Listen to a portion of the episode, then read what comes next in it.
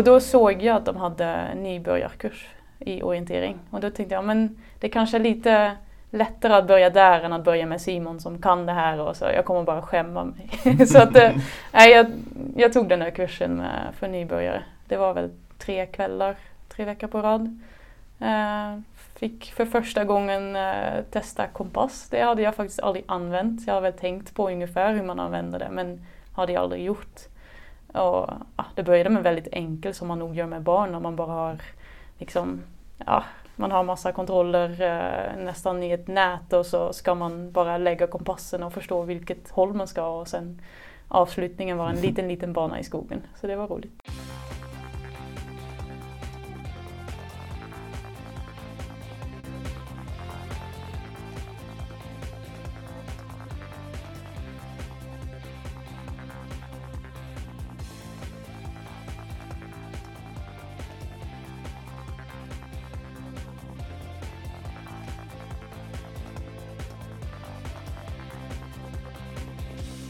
Mycket varmt välkomna till ett nytt avsnitt av O-ringen-podden. Idag säger vi välkommen till Eif van Dongen. Ja, hej! Välkommen! Tack! Superroligt verkligen. Om vi tar det här på svenska, Eif också. Ja, gärna. För jag tycker det är svårt att prata om orientering på engelska faktiskt. Ja, men din svenska är ju fantastisk. Mm, tack. Har det varit lätt att lära sig eller? Från nederländskan då, som ditt, ditt språk, till svenskan? Ja, men jag tycker det. I början var det väldigt många nya ord, men när man väl hade lärt sig baskunskapen så gick det ganska fort därifrån. För då, de mer invecklade ord är ganska likadana egentligen. Mm. Och så är grammatiken lite enklare på svenska. Så att det, det är enklare än att vara svensk och lära sig nederländsk tror jag. Det, det var åt rätt håll för mig. Mm. För lyssna på nederländskan, ni har ju väldigt mycket konstiga ljud för er i språket, men man känner igen vissa ord som är samma faktiskt i nederländskan som i svenskan. Ja, så är det. Eh, Och framförallt kanske när man läser, när den där uttalet eh, inte spelar någon roll. Så då förstår man ännu mer. Mm. Du, det här ska bli jätteroligt verkligen att prata med dig Eif. Eh, bronsmedaljör i somras på VM i Danmark i Federicia och knockout-sprinten. Vilken dag det var! Ja, jag kan fortfarande nästan inte tro det. det. Det var inget jag trodde innan sommaren att eh, jag skulle klara det. Nej. Nej. Nederländernas absolut första medalj har inte varit i närheten tidigare faktiskt i orienteringshistorien. Ja, det var väl en som har varit ganska nära Ja. på sätt och vis på Mm. medeldistans. Men, mm, Men ändå, ja. så var den första, och även Belgien tog sin första medalj faktiskt Ja. i Danmark via Yannick Michels då på sprinten. ja, då blev jag väldigt glad för det hade känts, känts väldigt konstigt att veta att han haft det som mål om jag skulle klara och inte han. Det hade känts lite dåligt Mm. nästan. Så jag var väldigt glad för hans skull. Mm. Vi kommer komma tillbaka till det här naturligtvis. Men det intressanta med dig Eif, för fem år sedan, 2017, så visste du knappt vad orientering var för någonting. Nej, jag hade aldrig sett en orienteringskarta. Det är ju helt enormt. Fem år sedan 2017. Mm. Men vad hände då? då?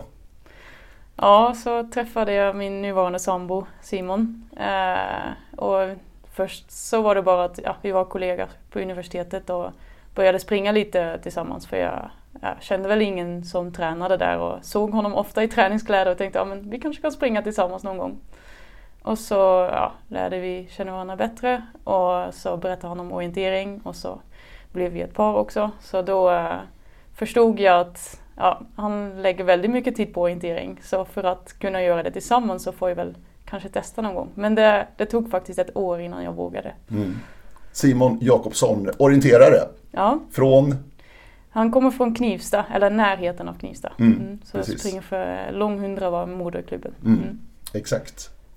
Eh, och då då, var var det här någonstans? Universitetet i? Stockholm. Mm. Så jag var uh, utbytesstudent i Stockholm. Jag var där ett år. Mm. Varför valde du Stockholm och Sverige? Var det ganska givet för dig eller? Ja, alltså allra första gången jag var i Sverige, det var 2014, bara ett halvt år den gången. Då var det att jag bara kollade vilka universitet som fanns som hade kurser som kunde passa mig. Så var det antingen Bergen eller Stockholm. Och så kollade jag regnstatistiken så, så blev det Stockholm istället. Eh, och delvis också på grund av skridskoåkning. Så jag åker en del skridskor, eller har gjort det. Och så kunna göra det på naturis istället för runt, runt i en hall. Det, det kändes lockande. Mm. Det där med skridskoåkning är ju fantastiskt i Nederländerna. Ja, lite galet också att vi håller på sådär mycket när man inte har is. Nej, vad är det? Var tionde, var femton år kanalerna fryser eller? Ja, ja, kanalerna fryser väl lite oftare men eh, sjöar det är framförallt nu väldigt sällan. Mm. Mm. Men vad, det här intresset för skridsko i eh, Nederländerna, Nederländerna eller Holland, vad ska vi säga? Nederländerna ja, är bra. det officiella namnet men när vi själva hejar på vårt fotbollslag så säger vi Höpp Holland Höpp. Så det är, det är många som uh, inte tycker att det spelar så stor roll. Uh, men det finns också vissa som tycker att det är fel att säga Holland för egentligen är det bara två provinser i Nederländerna som mm. heter så. Mm. Ja, jag fortsätter med Nederländerna. Ja. ja, det är bra. Men du, skridskointresset, vad, vad grundar det sig i? Har du koll på det?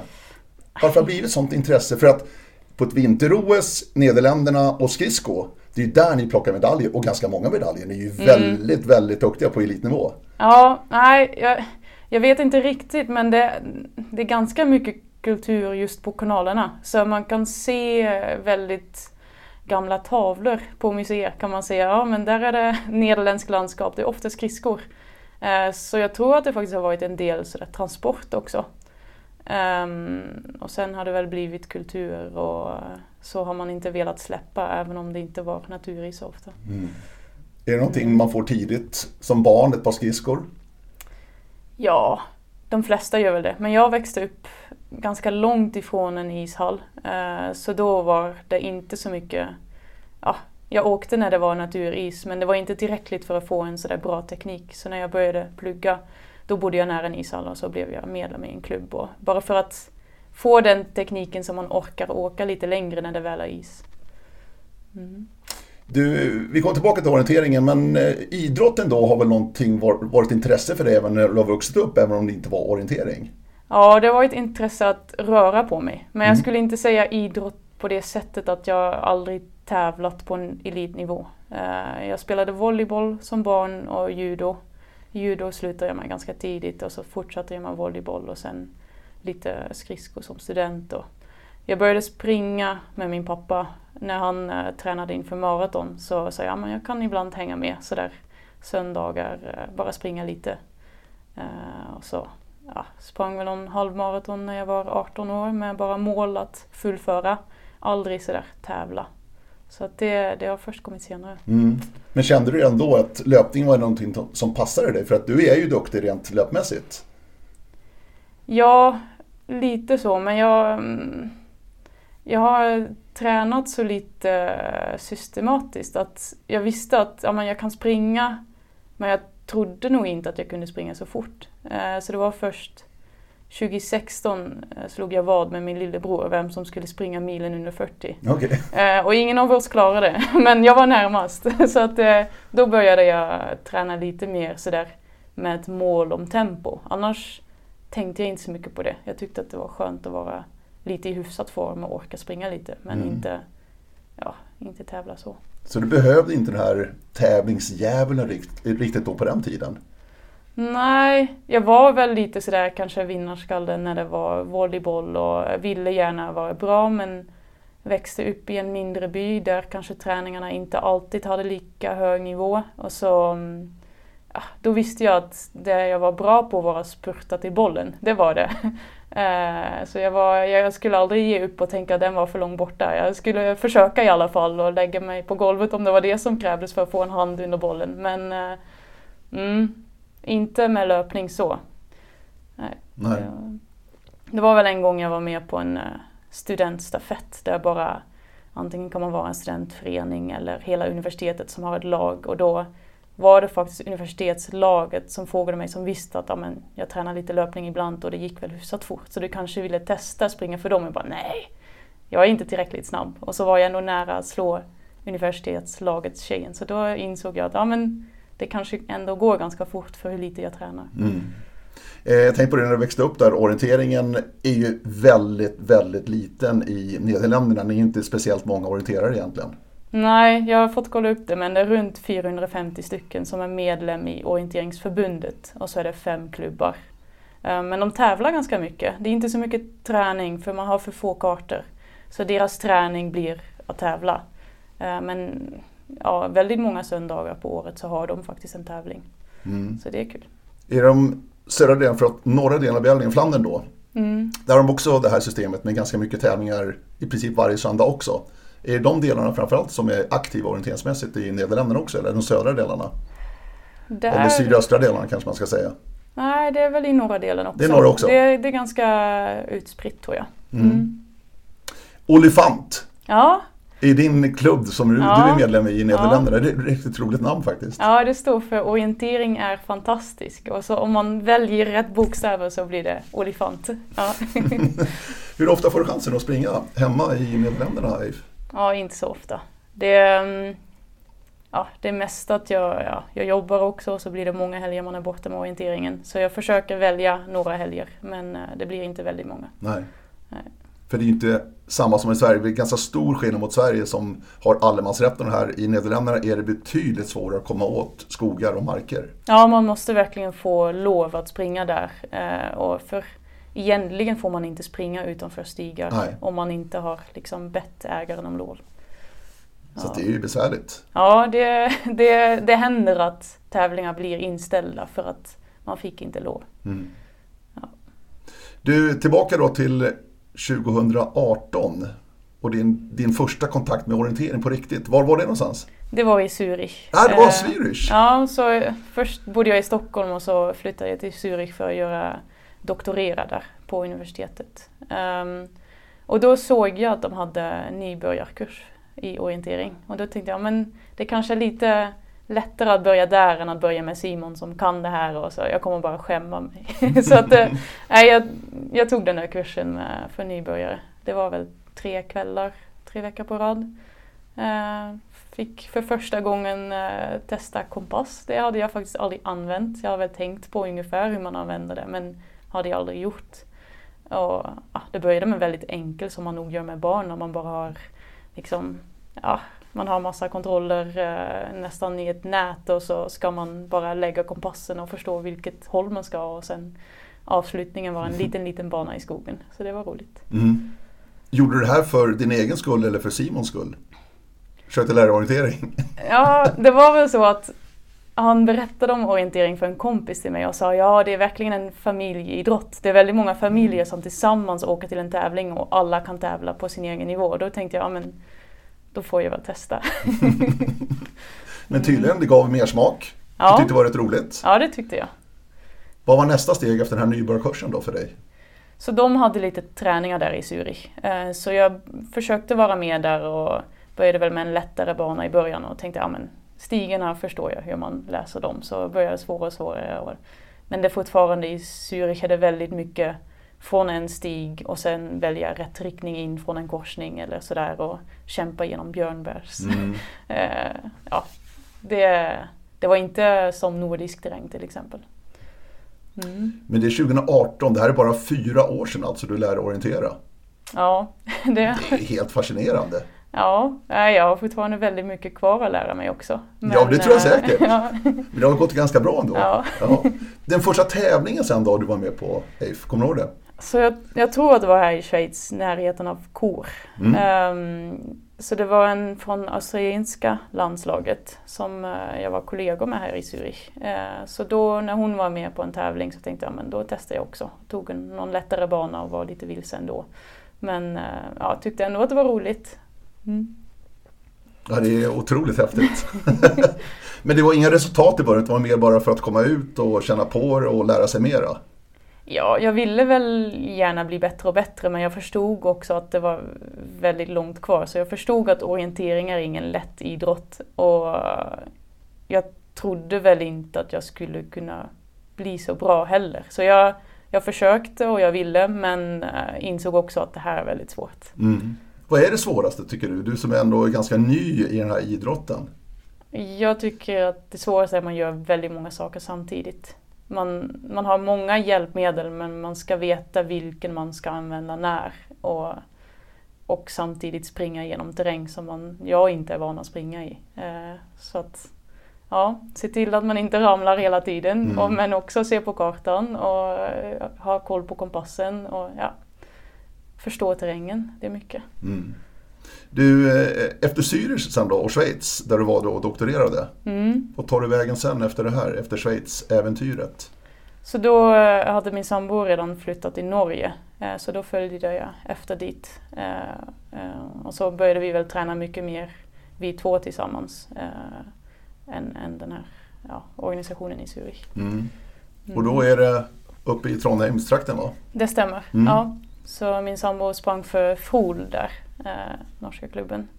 Så då, då fick vi med lite träningar där och, och tävlingar. Mm. Mm. Och då uppe i Trondheim finns ju väldigt häftig terräng, väldigt norsk terräng skulle jag vilja Mm. säga också. Eh, men då får du ju lära dig skogsorientering på ett helt annat sätt förstår jag. Ja, men det jag gillade var att det var tydliga höjder och de var branta också. Så att det var, det var mycket höjdbild man kunde läsa på och ganska stora myror som man fick uppfång. Och, ja, den, den terrängen gillar jag nog ganska bra. Mm. Tävlingar i Norge också, kände du att du gjorde framsteg? Ja, men det blev inte så mycket tävlingar för det, Corona kom ganska snabbt där. Så att, eh, och det var, det var ändå ganska strikt i Norge att eh, på ett, ganska lång tid var det nästan bara juniorer som fick träna tillsammans. Eller man fick vara i sin egen kommun och träna. Så att det blev tyvärr inte lika mycket med klubben som det skulle ha varit annars. Men eh, Simon tog verkligen tag i att ja, men, hitta kartor, hänga ut snitslar och följa upp och hämta in och allt möjligt. Så att ja, han investerade väldigt mycket tid där i att jag skulle lära mig orientera. Mm. Och så var det också lite organiserade sprintträningar i alla fall innan pandemin men också under för att det föll lite under så här elitidrott. eh, där. Mm. Du kallar Simon eh, för din sambo, vilket han är också, men han är också tränare och coach och verkligen är ett stöd för dig på alla sätt och vis. Ja, verkligen. Eh, utan honom hade jag aldrig lärt mig så snabbt. För Nej, jag förstår det. Just att han är så nära eh, och kan hjälpa mig mycket. En tränare skulle liksom, ja, men, det är väldigt mycket tid som krävs för att lära sig orientera under en relativt kort tid. Så det skulle inte ha funkat att vara på träningar med 20 löpare och få uppföljning var 20 gång. Jag fick uppföljning nästan varje träning. Eh, och säger man, ja, ser du den där höjden? Ja, men då ska du tänka så här och ser du det här i terrängen? Och nu kan du tänka så här och det kan förenkla på det här sättet. Och, ja, men det, det hjälpte väldigt mycket. Mm. Men han måste ju också ha sett att du hade talang och du hade lätt att lära dig, förmodar jag.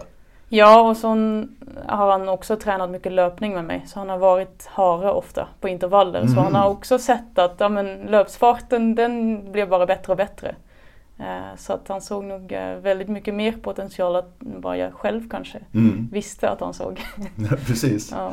Eh, 2020 då pandemin verkligen kom till oss tyvärr och sen var det ju två år i princip som vi hade pandemin, både 20 och 21 och har ju blivit mycket bättre nu 2022 som tur är, tack och lov. Mm. Men när börjar tankarna forma sig på att komma ut på de mästerskapen? I och med att du är från Nederländerna så är det ju lite lättare för dig att komma ut på mästerskapen, det måste Ja. vi ju ärligt säga. ja, så det var hösten 2019 var jag faktiskt med på nederländska mästerskap i mellandistans.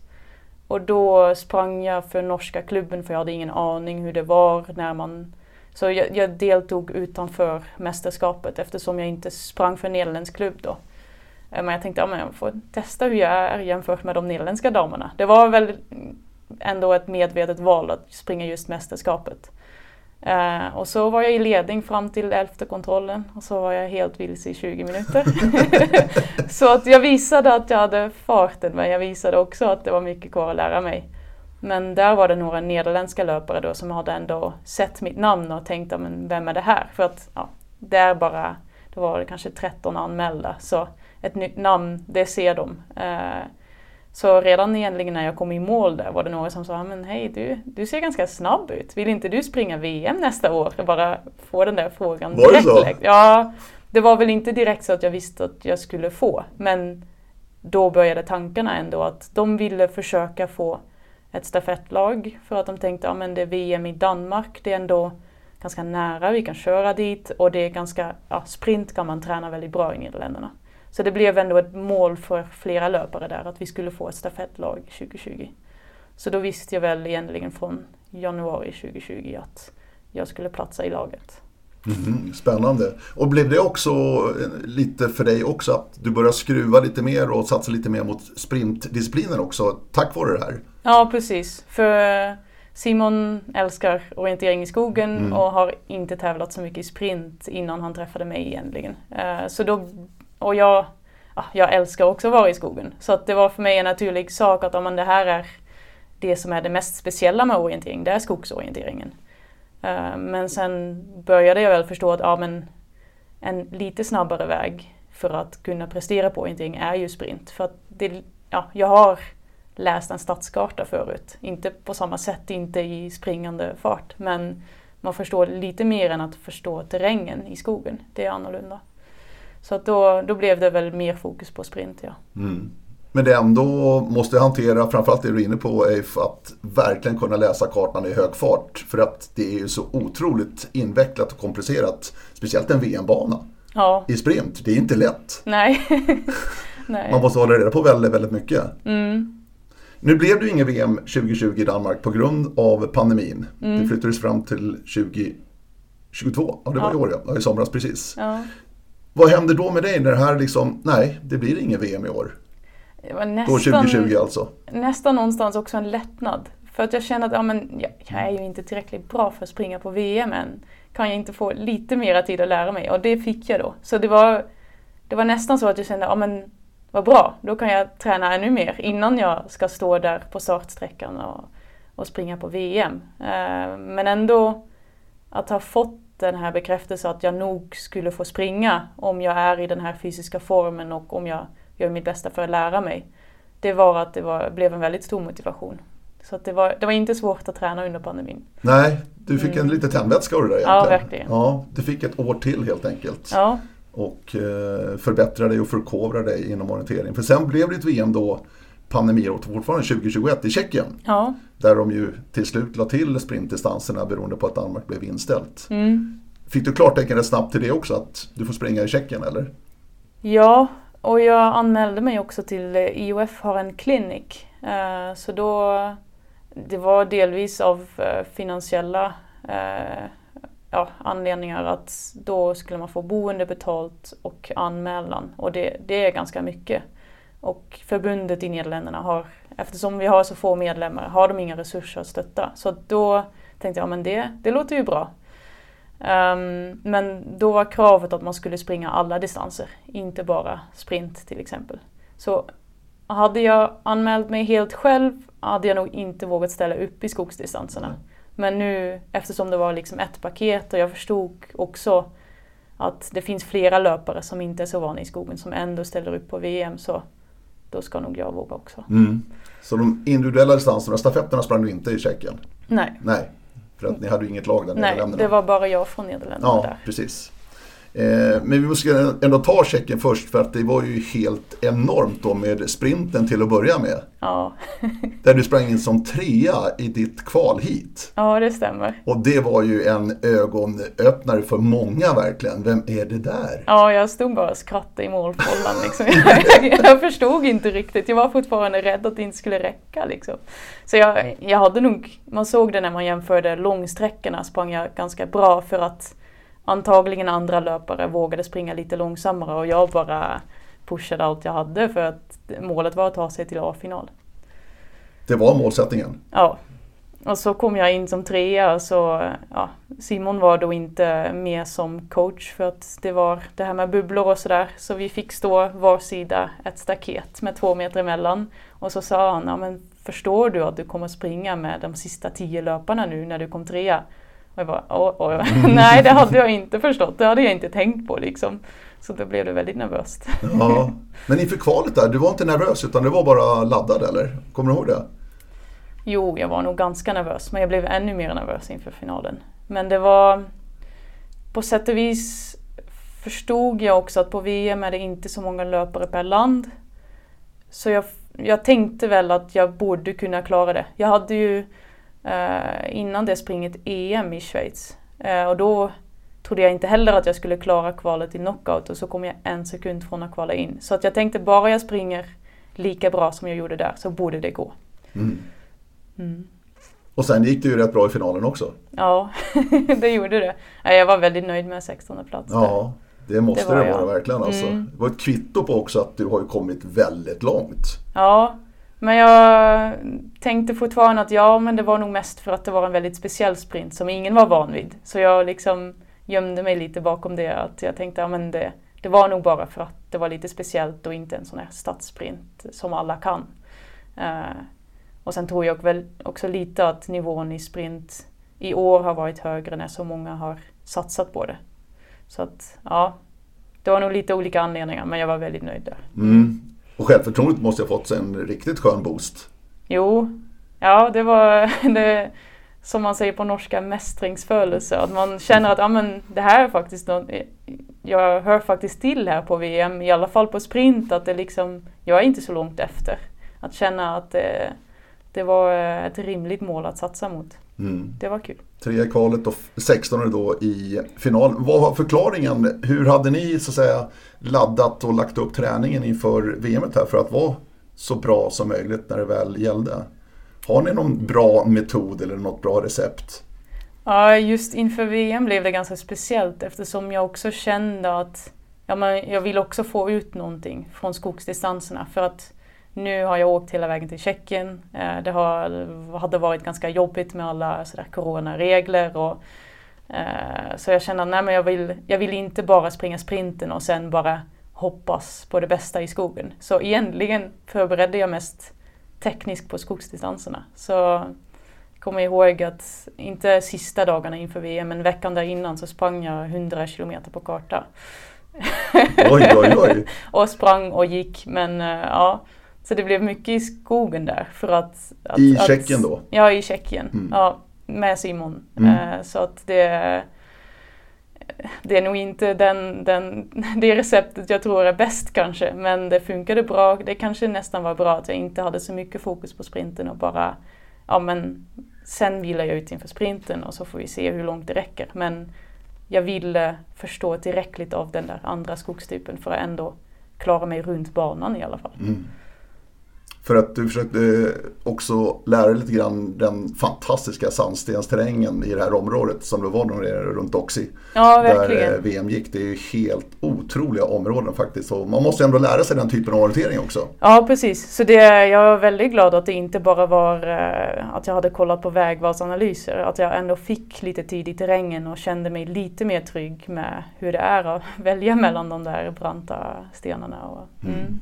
För långdistansen gick ju också bra. Ja, nej, det är nästan som att jag är mer nöjd med den. Ja, du är det? Ja, det, ja det, det, blev ju ganska mycket stiglöpning. Men om man tänker att det var min andra långdistanstävling någonsin så gick det, det väldigt bra. Ja, det Var det. Nej. Jo, Och berätta vad det blev.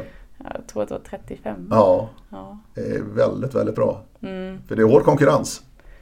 ja det är färre löpare på Mm. VM än Jo. på världscup. Men ändå. Mm. Ändå. Jag klarade att få ut ganska mycket och så, ja, det var kul. Mm.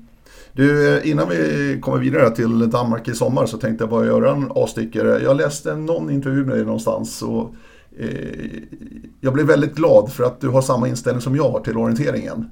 Att den ger mig och, och dig också förmodligen chans att komma till platser, områden, skogar man förmodligen aldrig annars hade besökt. Ja. Jag tycker det är det absolut bästa med den här idrotten och du verkar tycka samma sak. Ja, verkligen. Ibland är man liksom lite frustrerad när jag, jag bommar fortfarande ganska mycket och jag gör mycket fel. Men jag tänker också att ja, men, det är ändå väldigt mycket roligare än att springa på en bana 1500 meter när man vet exakt vad som väntar. Eller åka skridskor 400 meters varv. Det är en helt annan sak eh, och det är väldigt roligt. Mm. Så man får ta den eh, smällen att man inte riktigt vet vad man ska förvänta sig och kanske inte alltid är lika förberett. Nej, precis. Men det, ja, försöka njuta också, även Ja. när, det, när det går dåligt. Ja, jag menar sandstenskogarna då i Doxy där i Tjeckien som vi var förra sommaren, fantastiska områden. Men berätta om några andra ställen du tycker har varit fantastiska du har varit ute i. Åh, ja, det är mest i Sverige då. Mm. ja, men det är helt okej alltså. Bara det här med att springa på en myr. Alltså jag skulle aldrig... Innan jag började orientera så var jag inte ens utanför stigarna. För i Nederländerna finns det ingen anledning att vara utanför en stig, för det finns stigar överallt. Och där bara att springa helt själv genom terrängen. Om man har tur och är lite tyst nog så kanske man ser en älg ibland. Och, ja, Eh, men bara komma på ställen där man antagligen inte kommer att träffa någon heller. Det, det är också speciellt. Så det, det är inte sådär specifikt ett ställe, men generellt att vara mitt ute i skogen eh, och känna sig lite mer del av naturen än den här civilisationen som vi vanligtvis har runt oss. Det Mm. tycker jag är väldigt härligt. Är det en form av eh, frihetskänsla också någonstans? Ja, att man vet att jag har karta och kompass och även om jag kanske inte alltid hittar kortaste vägen. Jag kommer att hitta fram till slut och hitta ut om det behövs. Men ja, nu är jag här och nu och det ja, fina platser. Mm. Mm. Du berättade att du doktorerar och sådär. Vad hur jobbar du med Eif? Så när jag doktorerade så jobbade jag med glaciologi. Glaciologi, glaciärer? Ja, Ah, häftigt. så det, det var väl delvis det också, komma ut till speciella platser. Det var nog samma driv där. Så jag pluggade matematik och fysik. Men det här att bara sitta med formler och lösa det, det var inte det jag tyckte är roligast. Men att tillämpa det till att förstå naturen. Och så blev det, ja, det är en, en grupp i Utrecht där jag pluggade som gör mycket med glaciärer. Så på den, det sättet kom jag in i det ämnet. Um, och så att doktorera det var att jag, jag bara såg en annons att det handlade om Grönland och man skulle få se glaciärerna där och försöka förstå dem lite bättre. Och jag tänkte att det där låter kul. Mm. Mm. Så du jobbar praktiskt med det nu för tiden också? Inte nu längre. Jag, nu i somras har jag slutat som forskare och eh, jobbar nu på SMHI i Norrköping Mm. med luftmiljö. Så luftföroreningar och modellera och kartlägga det. Mm. Så det är, det är kanske lite mindre äventyrligt på det sättet. Eh, men det är också väldigt viktigt eh, i den här tanken att ta hand om naturen. Mm. Då borde du, precis som alla vi andra, vara oroliga. Mm. Klimatförändringarna. Och vi läser ju framför allt om glaciärer Mm. som minskar i, eh, i eh, yta och allting. Ja. Det är ju häpnadsväckande vad vi tappar mycket is. Ja, det, vi tappar mycket is redan nu och vi har nog redan passerat en punkt där vi kommer att tappa ännu mer även om vi skulle sluta med släppa ut klimatgaser idag så skulle vi fortfarande tappa väldigt mycket. Så att det... Ja, ibland känns det nästan av, skrämmande att man inte hör mer om det. Mm, Är du orolig? ja, Du är det? Ja. ja. Nej men... Vart det eh, ska sluta någonstans? Ja, jag tycker att människan ofta, vi tror ofta att vi ska klara det här med teknik. Men om man ser på verkligen när det finns översvämningar eller när det finns stormar eller när det finns torka, när det finns skogsbränder. Det finns en gräns för vad vi människor klarar av. Naturen är väldigt kraftig. Så jag älskar naturen och jag älskar att vara i naturen men jag förstår också dess kraft, kraft och ja, det tycker jag är ganska skrämmande. Mm. Att vi inte tar det lite mer på allvar. Nej. Du säger vi, men vi alla måste ta vårt eget, äh, ta ett litet ansvar allihopa. Ja, ja. Det en, måste en vi. kan inte göra någonting, men många kan göra mycket. Precis, och sen, sen hoppas jag väl också att politiken eller regeringar tar mer ansvar också för att, ja men som ett exempel bara, jag skulle gärna åkt tåg till Schweiz men eh, nattågen strulade och dagtågen hade bara eh, vägarbete och det blev bara att ja, men det skulle ta eh, två hela dagar eller mer att komma hit. Men det hade gått ganska rimligt med ett nattåg. Men det, det fanns inte. Och det finns inte tillräckligt med utbud. Så att ja, man kan vilja väldigt mycket men det ska också vara möjligt. Eh, Så jag hoppas att vi får mer möjlighet också till det. Mm. Mm. Har du facit på det här? Hur Nej. ska vi lösa det? Nej. Nej. Nej, faktiskt inte. Nej. Nej, jag önskade det. Ja, det var Ja, det är en jättestor fråga naturligtvis, Mm. men den är ju oerhört aktuell. ja. Även om de var totalt borta i den svenska valrörelsen här så pratar de inte klimatet någonting. Vilket var förvånansvärt. Ja, nej det, det är klart att det, det händer väldigt mycket i världen. Och det är många saker som är viktiga. Eh, men vissa saker kan inte heller vänta. Men just när det är en sån här långsam process och inte som corona som kom plötsligt. Det är svårt att prioritera. Eh, Mm. när man ska välja mellan saker som ska göras nu eller ska göras inom 30 år. Ja, det är inte många regeringar som tänker på 30 år, Nej. tyvärr. Eh, vi nämnde Norge, Frol, som du sprang Mm. för då när, du, när ni var i eh, Norge, du och Simon. Mm. Men nu är det Västerviks OK Ja. som gäller i Sverige. Varför blev det Västervik, för er? Ja, så eh, Simon har en stuga i eh, Östergötland. Så jag kände lite tjust terrängen och hade haft eh, Den är fin. Ja, vi hade tränat inför 10 mila som skulle gå i, i Valdemarsvik. Och tyckte att det var väldigt fint. Och så bara råkade vi träffa Lena på en tävling, på en sommartävling. Och hon berättade om klubben Västervik och det tyckte jag Ja, så kombinationen av den jättefina terrängen och att det är en klubb med en ny satsning som inte är liksom jättestor än men har väldigt motiverade löpare och tränare. Då det passade mig väldigt bra för att ja, min situation är ju lite speciell. Jag behöver mera hjälp än andra löpare för att jag fortfarande är i den lärprocessen. Så att nej, det blev, blev en väldigt bra match. Mm. Mm. Och Lena är alltså Lena Eliasson ska vi säga. Ja, Som eh, tillsammans med Jakob då, eh, Lena Stilla Löv heter de förresten. Mm. Och Jakob då, hennes man, som är väldigt drivande i Västervik. ja, På många sätt. Men det är ju otroligt fin terräng där nere. O-ringen går ju i Oskarshamn. ja, 2024 ska O-ringen dit. det stämmer. Då är det ju trakten av Västervik faktiskt, Mm. de norra delarna. Eh, de norra etapperna. Precis. Ja, så det blir fint. Det får ni verkligen rista in i kalendern. Oskarshamn, Östra Småland heter det förresten, O-ringen 2024. Och Västervik, ni har ju också varit rätt framgångsrika på damsidan. Ja. I stafetter. Ja, damsidan och även sådär eh, sprintstafett har det gått hyfsat bra. Ja, verkligen alltså. Och det där blir kul också att Mm. även på klubbnivå, Ja. att du får vara med och, och springa om bra placeringar. Ja, verkligen. Och det, det är nog samma där, att jag kanske inte skulle få chansen i IFK Göteborg. Men Västervik som är en mindre klubb och som ser på individuella utvecklingar och potential så blir det, ja, det blir väldigt, väldigt roligt att man eh, kan spara varandra och utveckla tillsammans. Och det är många som Antingen ja, som Lena som har erfarenhet av eh, världseliten och så är det många som jobbar för att komma dit eller som Agnes som nu också springer för Västervik Mm. som är här Mm. och springer för Danmark. Mm. Agnes. Kracht alltså. Ja. Ja, nej, men det, är- det är väldigt, väldigt kul. Du, efter de här eh, framgångarna då i Tjeckien, ditt första VM då 2021 förra sommaren. Hur tänkte du och ni i planläggning då inför VM i Danmark 2022 i och med att det gick så pass bra då i Tjeckien för, för dig? Mm. Hur tänkte ni då? Hur la ni upp planen så att säga? För att du vill väl säkert bli ännu bättre, så är det ju.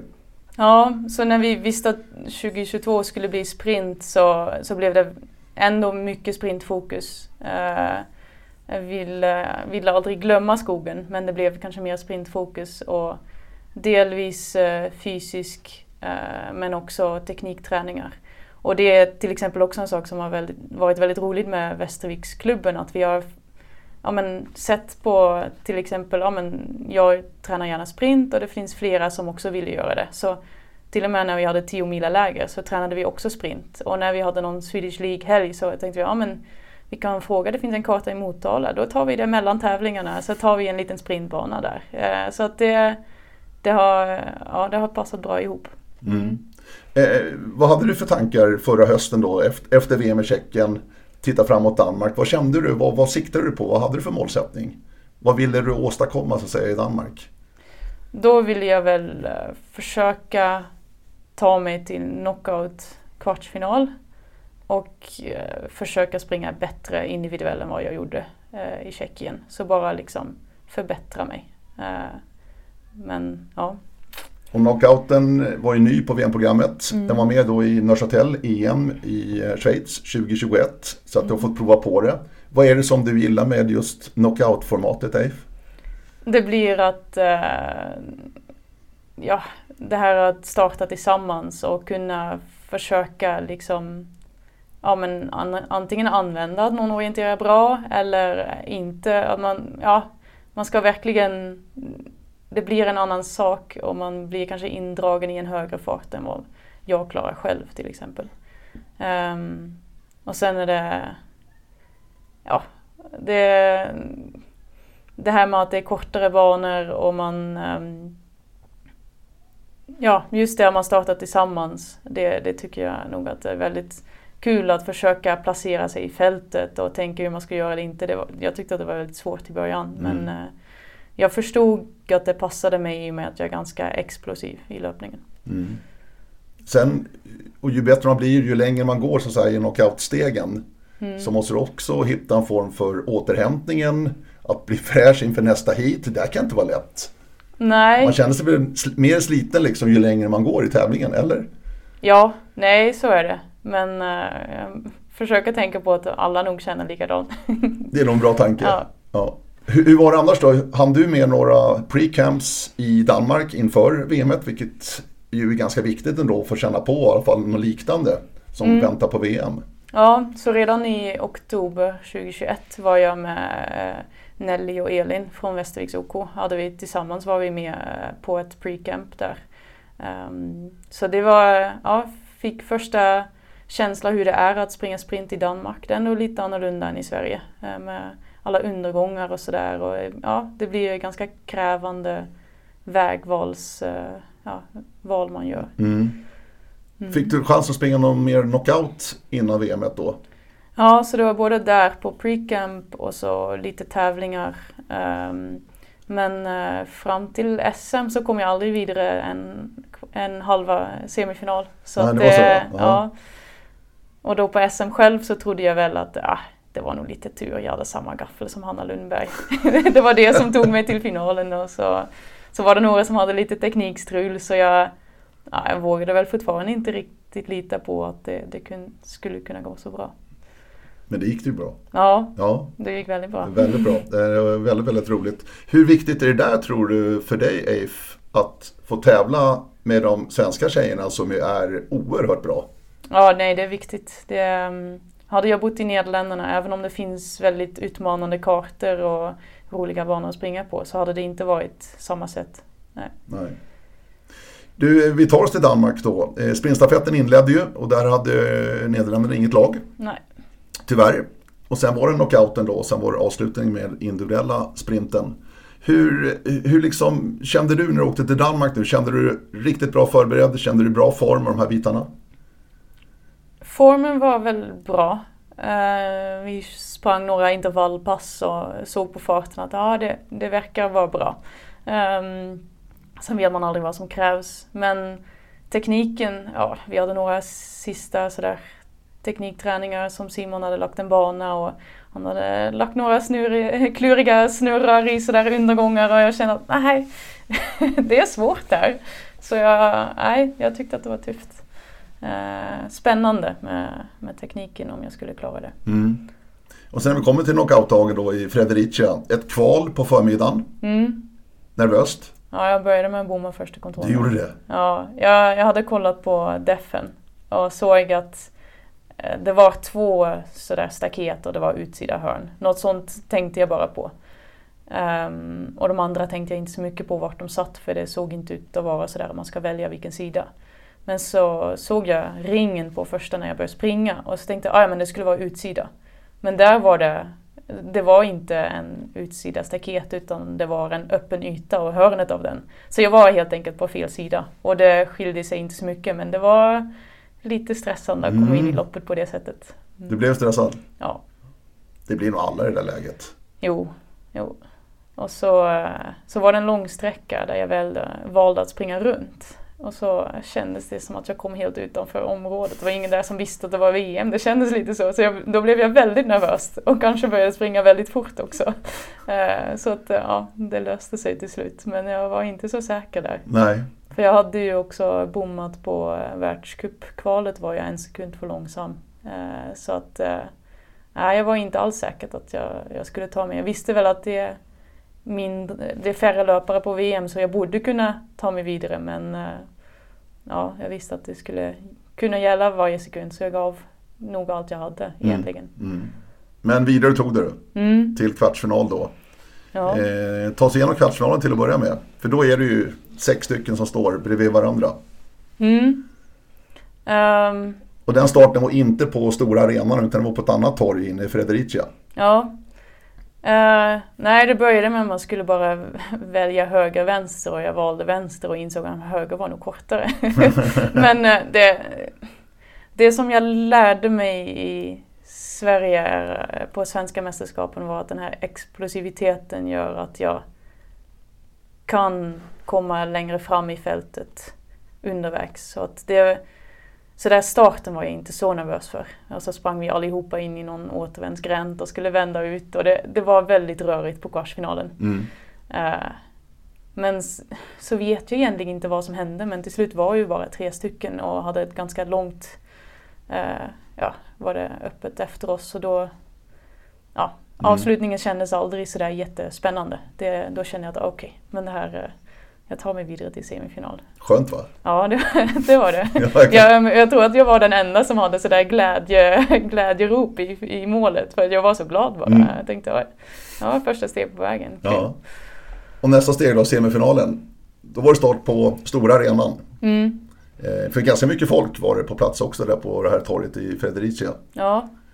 Eh, och där var det ju tajt. Ja, det, det var riktigt spännande. Ja. Och jag, vi hade ju fått välja kvartsfinal själva också. Mm. Ja, så var det. Då var det Runner Choice, ja, precis. Nej, Nej inte välja, vi fick välja vilken kvartsfinal vi skulle ja, springa. Ja, stämmer. stämmer. Ja. ja, precis. Och då, då insåg jag, men vänta nu, nu springer jag här i kvartsfinal med Andrine och Megan. Som kom tvåa, trea på världskuppen i Borås. Mm. Varför valde jag det här? så jag fick väl lite sådär ångest och bara känna, nej det fanns ju inga bra val på det sättet att alla semifinaler var jättetuffa. Uh, så det var bara att springa och se, se mm. hur det gick. Men det var ju ni tre som tog er vidare. Nej, så vi var bara två. Ja, två, så, förlåt. Ja, ja, exakt. Det var, um, Andrine tog ett annat vägval ja. och jag, jag valde att springa vänster med Megan. Mm. Och det visade sig vara det bästa valet där. Mm. mm. mm.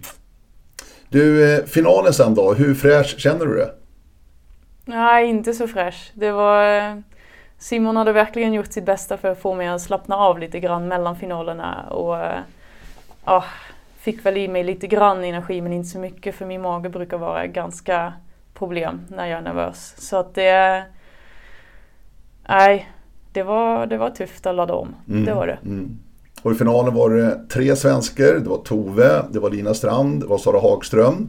Simon Ebersold var där också, schweiziskan. Och så var det Megan Carter Davis. Ja. Och så var det du! Ja. så var det du Dave. Ja, precis. Nej, det var... Äh, jag försökte övertala mig själv men det här är som SM-finalen. det var ganska likt. Lite åt det hållet. men jag hade någon sekund där mellan semi och final hade jag en tanke om att, men vänta nu, det är ju 50% chans på medalj. Men den tanken tryckte jag bort direkt för jag tänkte nej, det här vill jag inte tänka på. Jag kommer inte kunna hantera den tanken. Det är en intressant tanke faktiskt. Ja. jag var ju väldigt glad redan att stå i finalen. Det hade jag aldrig egentligen trott när jag såg hur tufft det skulle bli i semin. Så att, ja, jag var redan väldigt glad. Mm. Det viktigaste är att du känner ju inte slaget på förhand i alla fall, utan man ska i alla fall springa om det. Ja, nej det är sant. Även om du kände kanske lite mindre än alla de andra stora namnen som var i finalen. Mm. Ja, även om jag, jag hade slagit Lina Exakt. Strand på upploppet i Sverige så det var att jag kände att ja, jag ska göra mitt bästa här. Mm. Vi får mm. se vart det landar men jag kände att det inte var helt chanslöst liksom. Mm. Men eh, väldigt nervöst. Mm. Och vi hade ju sett under dagen att Tove var ju oerhört stark den här dagen rent fysiskt. Hon mm. sprang ifrån i alla hit i, i, princip i finalen också. Ja. Faktiskt, det var ingen som lyckades följa henne. Nej, jag, eh, jag försökte väl i början mm. men man visste inte om vi hade, vi visste inte om det var raka banor eller inte. Jag, jag såg någon bild på mig på eh, starten där jag, jag hade kartan liksom upp och ner. Jag försökte se om det var, inte, eh, var det eller inte men det enda jag såg var att första efter Arena Passage skulle vara ett träd och det var det båda gångerna så jag tänkte nej men jag ser inte, jag får väl bara, ja jag hinner inte kolla det. Jag bara orienterar och ser vilka vägar jag kan ta och så försöka se om jag hänger med. Så jag, jag hängde med lite med Tove där i början men eh, det gick så ruskigt fort. Och jag kände att nej, men, skulle jag inte se mm. henne runt nästa hörn och det går för fort, det, då är man kört. Mm. så att jag kände inte att jag hann med i kartan så då, då fick det vara så. Mm. Men du, har du någon taktik, någon strategi när du står på startlinjen där i finalen? Nej, det är svårt. Det är väldigt svårt. Ja, för man, man, vet inte vad som händer. Man har ingen aning vad de andra gör.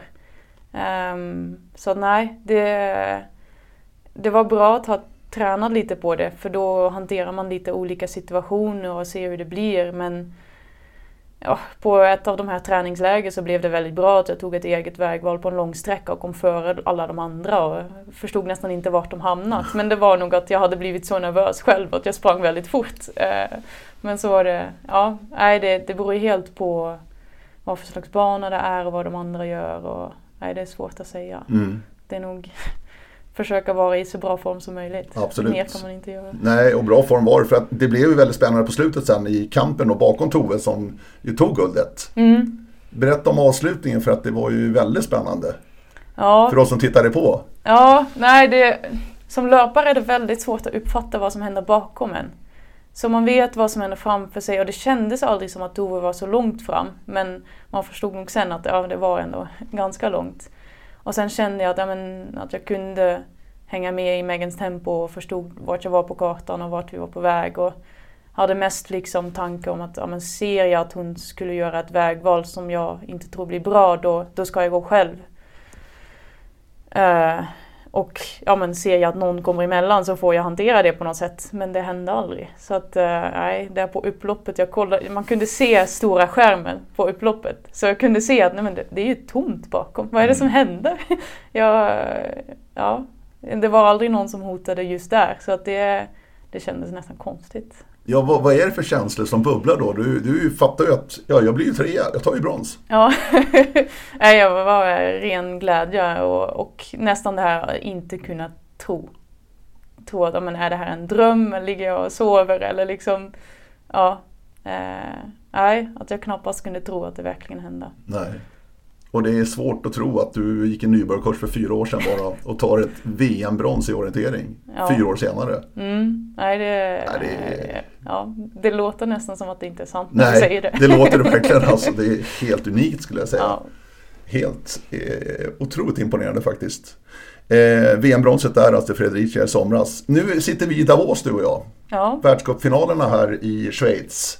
Lite för-VM också inför nästa sommar då när VM går här nere i Schweiz i Flins Lax, en 5-6 mil härifrån, nere i Alperna. Vad tycker du om det här då? Vad är det här för typ av orientering? det är brant. Ja, Det kan man säga. Eh, nej, så jag, jag är mest här för att känna på vad är det som krävs, vad är det som jag behöver lära mig och utveckla mig. Och, ja, det, det känns konstigt att säga det när man vet hur många det är som kämpar om platserna i Sverige. Men för mig är det som en övning att få lära mig så mycket som möjligt. Mm. kan det här passa dig? Uppförsbackarna passar mig nog. Ja. Nerför blir det svårare, så jag får försöka träna lite på det också. Mm. Eh, och sen ja, behålla kartkontakt på de här lite mer diffusa sluttningar. Det är väldigt svårt. Mm. Ja, det är inte lätt. Eh, roligt att se här också i världscupfinalen att Nederländerna hade ett damlag på start i stafetten. Ja, det var första gången någonsin i en internationell tävling så det var väldigt roligt. Mm. Kan det bli ett VM-lag nästa år också tror du, från Nederländerna? Ja, vi får hoppas på det. Det vore kul. Mm. Ja, verkligen. Det är superroligt, verkligen. Och det här var väldigt trevligt också, Mm. Eif, att få prata med dig en stund här. Eh, Nederländerna förresten, hur har de uppvaktat och gratulerat dig efter VM-bronset är min fråga. Ja, det finns 450 orienterare som, som vet vad orientering är. Men annars vet ingen vad orientering är. Så jag har fått mycket meddelande från orienteringslöparna i, i Nederländerna. Men sen, eh, det är inget som kommer på nyheter eller ingen som, som vet eller förstår vad orientering är. Så att, eh, nej, förutom orienterarna är det nog ingen som vet vad som har hänt. Nej. Men nu har du chansen, nu vill du försöka bli ännu bättre i skogen också inför nästa sommar. Mm. För sen blir det ett sprintår igen då. Så Ja, Gillar du det där, den här uppdelningen? Ja, men det, det blir ju annorlunda för mig som inte är så bra i skogen än. Eh, Men på sätt och vis är det kul att se att både skogen och sprinten får lite mer uppmärksamhet under en tid. Så att i alla fall blir att sprinten kanske utvecklas till en ännu högre nivå. Eh, Att skogslöparna vågar satsa på sprint. Men också tvärtom för min del då. Att jag vet att ja, men det kommer ett VM i skog så jag får försöka bli bättre. Absolut. Mm. Nu kommer sista frågan. Den orangea färgen som Nederländerna använder i, inte bara i idrottssammanhang, men framförallt där vi ser den. Ja. Varför är det orange? Ja, alltså eh, kungafamiljen heter van Oranje. Så att, eh, men om orangea färgen var först eller kunganamnet var först, det vet jag faktiskt inte. Men det har nog med det att göra. Ja, men ni syns i alla fall. Ja, det gör vi. Ja. Så, det är roligt att det är många som förstår också. Så till och med här i Schweiz har det varit många som sa Men är det inte du som tog medalj? Ja, men vad kul det var. Så nej, det är roligt. Underbart. Tack snälla Leif. Eh, hoppas ni också har njutit lika mycket som jag. Eh, träffat Eif van Dongen, eh, VM bronsmedaljör i somras alltså på knockoutsprinten i Danmark. Hör gärna av er hörni. Radio snabel oringen.se är adressen med kanske en drömgäst om inte annat. Ha det jättebra. Hej då!